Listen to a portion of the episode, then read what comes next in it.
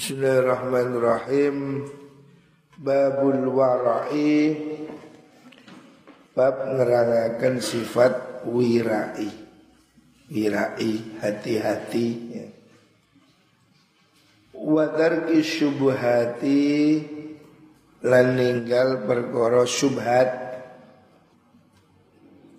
Syubhat sesuatu yang tidak jelas antara halal dan haram.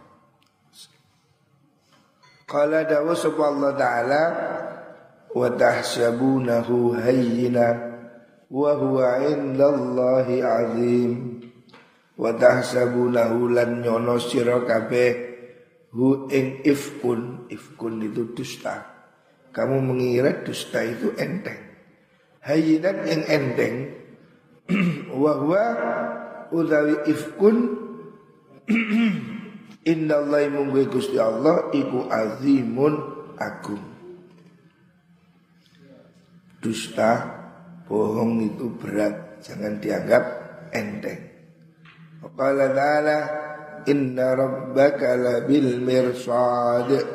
Inna rabbaka suni pangeran sira iku labil mirsadi zat kang nginjen nginjen nginjen nginjen itu mengawasi kita ini diawasi oleh Gusti Allah. Wani Nu'man bin Bashar radhiyallahu anhu ma qal dawu sapa Nu'man? Sami'tu ngrungu ingsun Rasulullah ing Rasulullah sallallahu alaihi wasallam. Yaqulu dawu sapa Kanjeng Nabi? Innal halala sudune perkara halal iku bayinun jelas. Sesuatu yang halal itu jelas. Secara hukum jelas. Wa innal harama sudine perkara haram iku bayinun ya pertelo jelas. Halal haram itu terang. Wa bainahuma antarane mengkono halal dan haram mustabihatun utawi piro-piro perkara kang serupa. Di antara halal dan haram itu ada hal yang serupa. Artinya ada sesuatu yang samar antara halal dan haram. Makanya harus hati-hati layak lamu orang ngawurwi hunda ing mustabihat sopo kathirun wong akeh. Minan nasi kang tetep saking menungso. Banyak orang yang tidak ngerti di antara hal halal dan haram itu ada syubhat. Syubhat remeng-remeng. Baik dari cara mendapatkannya atau dari objek bendanya itu subhat. Ada subhat subhat antara halal dan haram tentang cara mendapatkan atau benda itu sendiri subhat.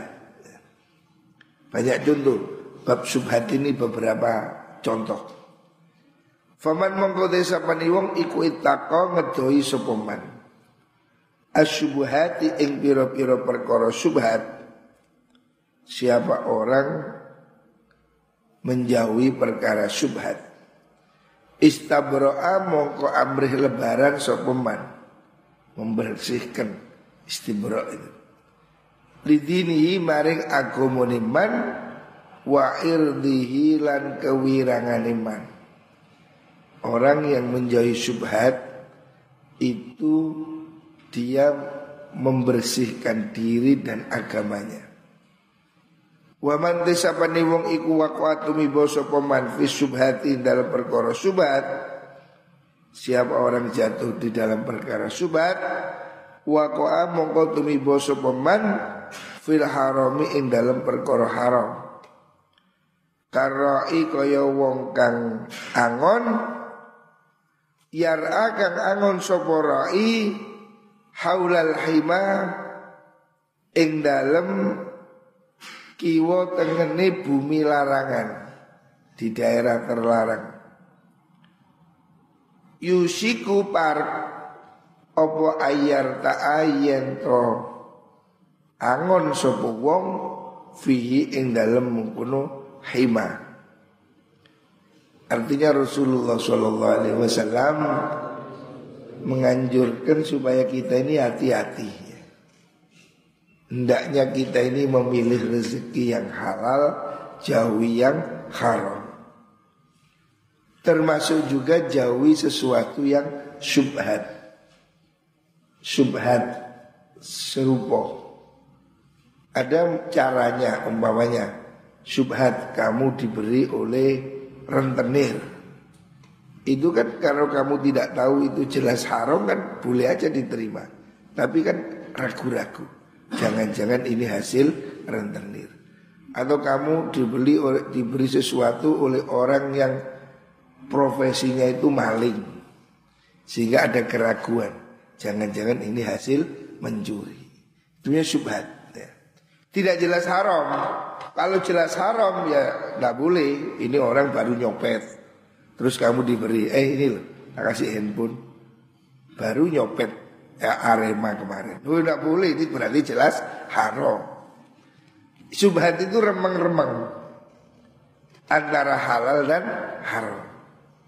Atau dari segi objek itu sendiri kamu ragu-ragu. Bakso ini babi apa sapi ya. Indikasinya apa? Ada indikasi. Kalau cuma ragu-ragu saja tidak tidak ada. Tapi ada indikator. Apa indikatornya? Umpamanya penjualnya Chinese. Umpamanya. Kok bakso ini CJ? Kenyil-kenyil apa ya. Ada indikasi. Kalau tidak ada indikasi itu namanya was-was. Ada ya kita ini di daerah muslim. Ya mayoritas kan ya halal loh. Kok ragu-ragu? Ini was-was. Tapi kalau kita itu di Bali, ya, ragu-ragu kan? Ini jangan-jangan tidak halal. Nah, namanya subhat. Jadi subhat itu sesuatu yang antara halal dan haram terjadi keraguan. Imam Ghazali mengkelompokkan juga termasuk uang di tangan pemerintah yang zalim. Jangan-jangan itu hasil korupsi. Itu syubhat.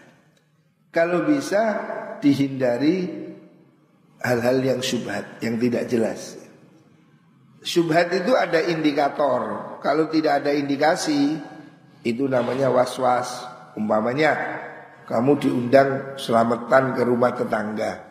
Tetangga kita ini kan orang baik-baik muslim. Terus kamu ragu-ragu. Jangan-jangan ini ayamnya nyolong. Itu namanya ngawur. Karena tidak ada indikasi. Syubhat itu ada indikasinya, meragukan. Itu namanya syubhat. Hendaknya kalau ada indikasi, ya, sesuatu yang membuat kita ragu, itu dijauhi. Jauhi hal-hal yang meragukan. Ini kok sepertinya ini ah, ragu-ragu. Manusia itu oleh Allah diberi hati nurani. Tidak enak, tidak tenang Ragu-ragu, jauhi Ala iling-iling wa inna likulli malikin dan iku kedui saben-saben ratu rojo himan ono daerah larangan. Ala iling-iling wa inna himallah sutune uh, larang bumi larangan Gusti Allah iku maharimuhu piro-piro larangani Gusti Allah sesuatu yang dilarang Allah itu ya memang daerah terlarang. Seperti kita ini kan ada zona sekitar istana itu kan tidak boleh masuk. Daerah terlarang. Ala iling-iling wa inna fil jasadi sutuni iku ing dalam jasad awak mudghatan ono daging kempel. Di dalam tubuh itu ada segumpal darah daging Idza saluhat nalikane bagus apa mudghah Solaha mongko bagus op al jasadu jasad kulluhus kabehane jasad. Wa idza fasadat nalikane rusak apa jasad yo fasada mongko rusak op al jasad su jasad kulluhus kabehane jasad. Ala iling-iling wa yautai mengkunu jasad ikwal kolbu utai mengwahya utai mengkono mudghah iku al qalbu ati muttafaqun alaih ay hadal hadis muttafaq alaih hadis sahih muttafaq alaih waru warawayahu lan ngriwayataken sapa syekhani hu ing hadis min turuqin sanging pira-pira dalan riwayat bi alfazin kan pira-pira lafaz mutakaribatin kang peparkan. Artinya hadis ini diambil satu kesimpulan hendaknya orang itu hati-hati. Mencari rezeki itu kewajiban, mencukupi diri kewajiban. Tetapi hendaknya mengambil harta yang halal. Jauhi yang haram Subhat pun sebaiknya dihindari Subhat Subhat itu remang-remang. Kemudian Rasulullah SAW mengajak kita itu memperbaiki diri dari dalam. Kita ini selalu sibuk dengan penampilan. Makanya skincare laku keras. Orang kepingin kelihatan wajahnya glowing. Tetapi tidak kepingin hatinya bersih. Padahal yang diajarkan Rasulullah Sallallahu Alaihi Wasallam hendaknya orang itu yang dibenahi itu hatinya. Makanya Nabi mengatakan wa inna fil jasadi mudghah. Di tubuh itu ada segumpal daging. Maksudnya segumpal apa itu hati itu nurani Hati ini menjadi kuncinya. Kalau orang itu hatinya baik, pasti seluruh tubuhnya baik. Tapi kalau sudah hatinya jelek, ya kelakuannya jelek. Karena hatinya ini yang jelek. Maka kanjeng Nabi mengajarkan perbaiki hatimu. Hatimu ini yang dilihat oleh Tuhanmu, jangan sembrono. Kita ini selalu sibuk ngatur penampilan tubuh, warna baju, merek mobil, tapi lalai memperbaiki hati. Padahal Nabi ingetin, hati inilah yang harus dibenahi. Hidup kita ini baik kalau hati kita baik. Hati kita menjadi baik kalau apa yang kita makan ini baik. Hendaknya kita ini jaga makanan kita. Orang itu kalau makanannya halal Maka kemudian tumbuh menjadi daging, menjadi darah, menjadi otak yang halal. Jangan sembrono. Kita ini mesti ngaji tanya Ini halal atau haram? Jangan ngarang. Ikuti sesuatu yang jelas. Ikuti ngaji yang benar. Halal itu jelas, haram itu jelas. Jangan ngikuti sesuatu yang tidak jelas. Itu namanya syubhat. Wan Anasin saking sahabat Anas. Hadis selanjutnya An Anasin saking sahabat, sahabat Anas radhiyallahu an anna Nabi sallallahu alaihi wasallam Sedulur kanjeng Nabi iku wajah dan nemu sapa kanjeng Nabi tamrotan ing kurma. Kurma itu kan sesuatu yang di negara Arab itu murah ya. Suatu saat kanjeng Nabi menemukan kurma, kurma jatuh, ya. sabutir kurma. Artinya menemukan sesuatu yang dianggap remeh, ya seperti kita nemu duku atau rambutan, sesuatu yang murah. Fakala mongko dawuh sapa Kanjeng Nabi laula anni lamun ora ana sutune ingsun iku akhafu wedi ingsun.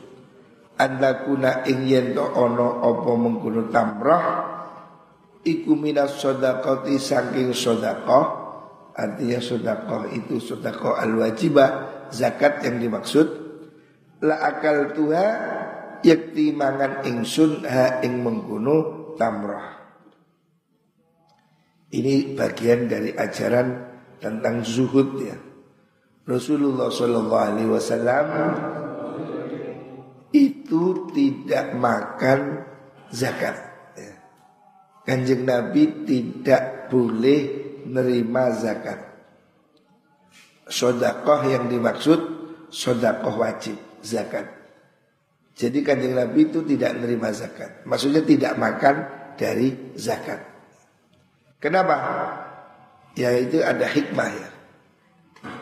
Kanjeng Nabi memang ada aturan dari Gusti Allah. Kanjeng Nabi tidak mau tidak menerima zakat untuk diri beliau. Jadi kalaupun ada zakat itu dikumpulkan semua dibagikan. Ada delapan kelompok penerima zakat. Dan Nabi tidak menerima zakat. Nabi tidak makan dari harta zakat. Artinya Nabi menjaga diri ya. Nabi menjaga diri tidak mau mengambil bagian dari harta manusia yang yang itu kan menimbulkan salah paham. Seandainya Nabi menerima zakat, orang kan Nabi menarik makan dari apa? Dari rezeki orang. Makanya Nabi tidak mau. Jadi Nabi menjaga diri supaya tidak jadi omongan. Kalau seandainya Nabi itu ngambil zakat, makan dari zakat, tentu orang akan mengatakan, wah itu berarti dia makan dari sisa harta orang. Nabi tidak mau ya. Nabi tidak ambil zakat sebab zakat itu ada kelompok tertentu yang sudah ditentukan oleh Allah.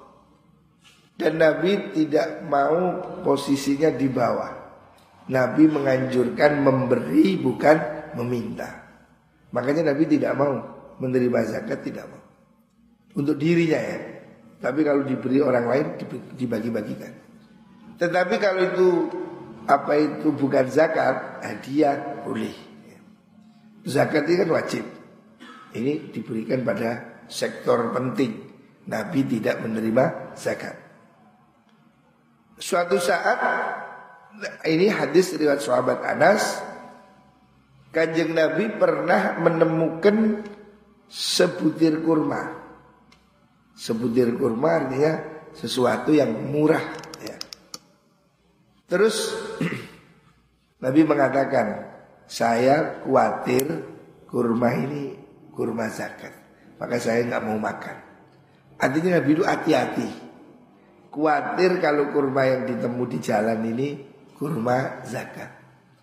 Beliau kan sudah menyatakan tidak mau makan harta zakat walaupun nemu di jalan. Kan ada dua kemungkinan loh. Mungkin zakat, mungkin juga bukan zakat. Wong di jalan kok.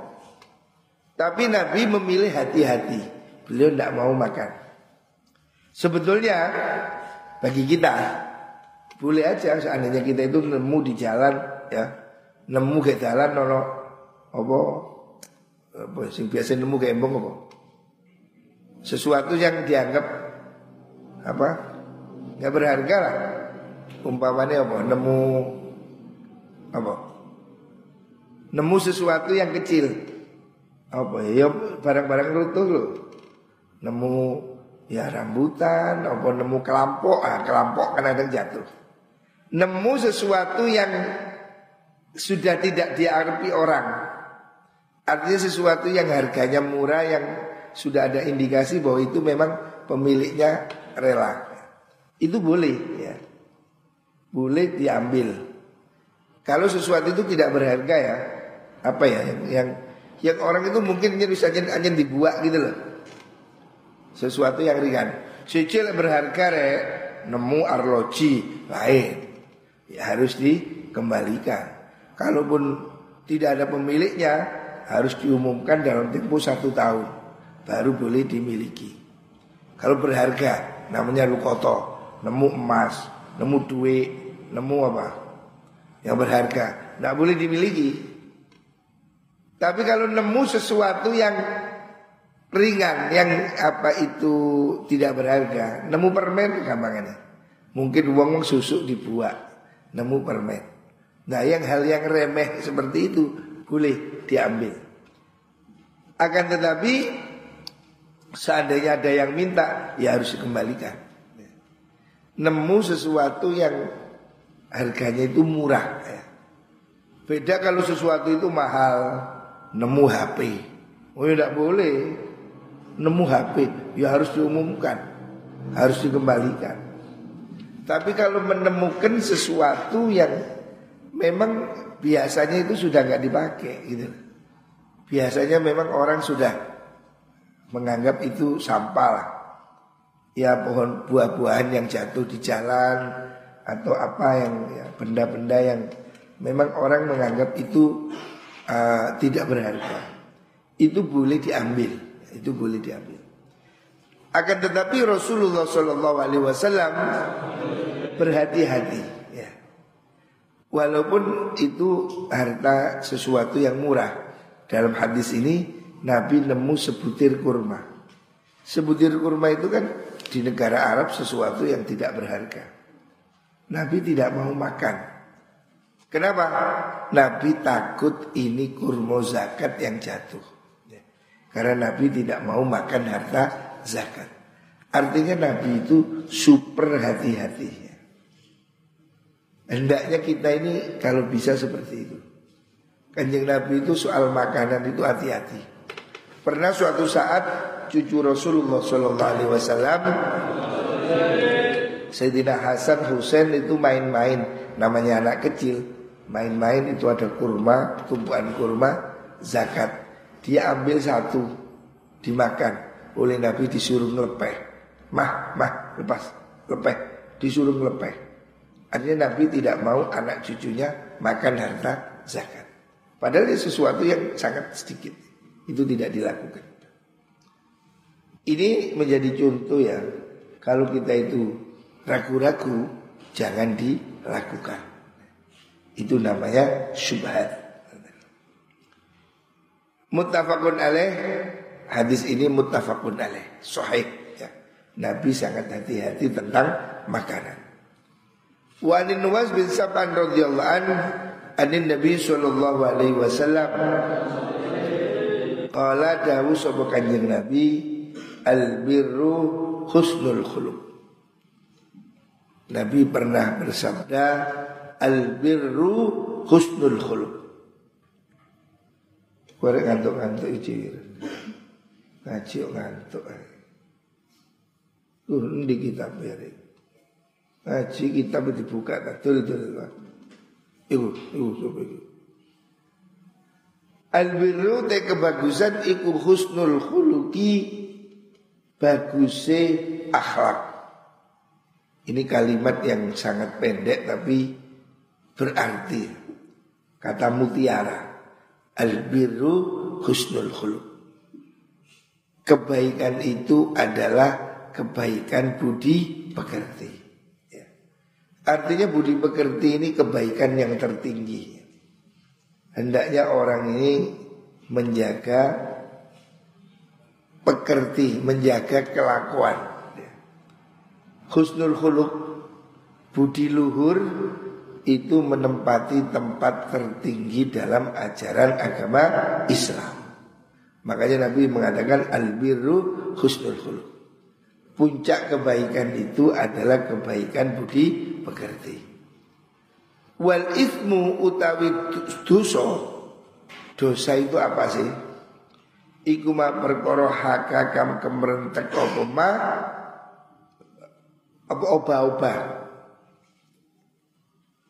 Dosa itu sesuatu yang Apa? Tidak menenangkan Fi nafsika ing dalam ati siro ya. Sesuatu yang geronjal Nabi memberi apa namanya batasan sederhana. Dosa itu sesuatu yang gerenjel, cara Jawa gerenjel. Bahasa Indonesia apa? Menggerenjel. Sesuatu yang di hati itu nggak nyaman, itu berarti dosa. Jadi indikasi perbuatan itu baik atau buruk di hatimu terasa ya Allah. Jadi Gusti Allah itu menciptakan alarm secara naluri ya, secara naluri, secara asli, alami Gusti Allah itu menaruh alarm di hati berupa rasa tidak nyaman. Makanya kalau kita ini melakukan sesuatu kok tidak nyaman, kayak hati gak tenang, berarti itu dosa. Ini hati yang benar loh ya, hati orang yang yang bersih. Sebab orang itu kalau hatinya sudah kotor, maling mau nih, yo masih nyolong hatinya yo ayem aja. Tapi orang yang hatinya itu bersih, pasti merasa tidak enak. Kamu mencuri umpamanya. Pasti di hatimu ada rasa bersalah. Kamu bohong, pasti kamu nggak tenang. Di hati pasti ada rasa tidak nyaman. Kalau kamu masih punya hati nurani seperti itu, berarti kamu masih sehat. Berarti kamu orang yang iman. Orang itu indikasinya masih punya iman kalau dia ngerasa berbuat jelek itu nggak tenang. Siapa orang kalau berbuat dosa, nilep, nyolong, ngapusi, bohong, di hatinya merasa bersalah, berarti dia masih punya iman. Orang kalau masih sedih, ada rasa nyesel berbuat jelek, berarti dia masih punya iman. Tetapi kalau orang itu sudah senang berbuat dosa malah bangga, berbuat dosa malah apa diceritakan, nah, berarti dia sudah tidak punya iman. Ini harus dijaga ya. Makanya hati ini harus selalu di, dibersihkan. Hati ini kalau sudah kotor, kotor, kotor, maka ya menjadi gelap. Kalabal rona ala kulubihim maganu yaksib. Kalau kelakuannya orang itu jelek, jelek, jelek, hatinya kotor, maka ya sudah, hati nuraninya mati. Di sini Rasulullah Shallallahu Alaihi Wasallam memberikan tanda, ya, indikator sesuatu yang haram atau dosa itu sesuatu yang di hatimu tidak nyaman. Ya. Hadis ini menunjukkan bahwa hati nurani itu alarm. Hati kecil kita itu secara fitrah, secara naluri alami itu menjadi alarm bagi perbuatan kita. Kalau kita ini berbuat baik, hati nyaman, tenang. Jangankan kita, kucing itu, kucing kamu beri bandeng Mangan dengan umum enak. Tapi lek nyolong lah pedih. Depis-depis. Ono wong ceruduk belayu. Nah, kucing itu kalau itu haram. Makanya dia ketakutan. Manusia juga begitu sebetulnya. Manusia ini secara alami dia itu hati nurani itu mengatakan jujur itu haram, itu jelek. Makanya Nabi dalam hadis lain mengatakan istafti kolbak bertanyalah kepada hatimu. Hati kita itu jujur kok sebetulnya. Kita itu kalau bohong, curang, ngapusi, nyolong, pasti hatimu nggak nyaman, nggak tenang. Lah, kalau memang kamu melakukan sesuatu di hatimu tidak nyaman, ingatlah bahwa itu adalah perbuatan dosa. Bundi? Wakarih talan sengit siro Wakarih talan sengit siro dan kamu tidak suka ayat tolia ing yen to ningali ningali alaihi ing atasema sopo annasu menungso. Kamu tidak ingin dilihat orang. Ini dua indikasi dosa ini dua. Angan-angan ini. Ada dua hal merupakan indikasi bahwa perbuatanmu itu salah. Ya, satu kalau di hatimu tidak merasa nyaman. Kamu pasti kalau kamu bohong, curang, di hatimu ada rasa tidak nyaman. Maka itu hentikan. Berarti itu pasti haram. Yang kedua apa? Indikasi itu tidak halal, kamu tidak ingin dilihat orang. Kalau itu halal, kamu pasti di depan orang ya biasa enjoy. Tapi kalau kamu melakukan itu sembunyi-sembunyi, takut ketahuan berarti itu jelas tidak halal. Ya. Jadi ini dua indikasi yang gampang, nggak perlu dalil, tidak perlu pakai dalil teori. ini dua indikator yang dikatakan oleh Rasulullah Shallallahu Alaihi Wasallam bahwa dosa itu punya dua indikasi. Satu membuat hati tidak nyaman. Hatimu itu alarm bagi dirimu. Kalau sesuatu kau perbuat itu di hatimu terasa gerenjel, nggak nyaman, berarti itu perbuatan dosa. Yang kedua, kamu takut ketahuan. Kalau kamu diem-diem, takut sembunyi-sembunyi, berarti itu jelas pekerjaan tidak halal. Makanya ini dua hal ini indikasi hati nurani. Rasulullah Shallallahu Alaihi Wasallam dalam hadis ini memberikan satu tips yang sederhana, gampang. Jadi halal haram itu gak perlu teori sing dur-dur. Yang enteng. Nabi mengatakan indikatornya dua. Kalau kamu merasa tidak nyaman ya, di hati yang jujur atau kamu takut ketahuan orang berarti itu tidak halal. Muka-muka kita dilindungi Allah diberi rezeki yang halal. Amin Allahumma amin.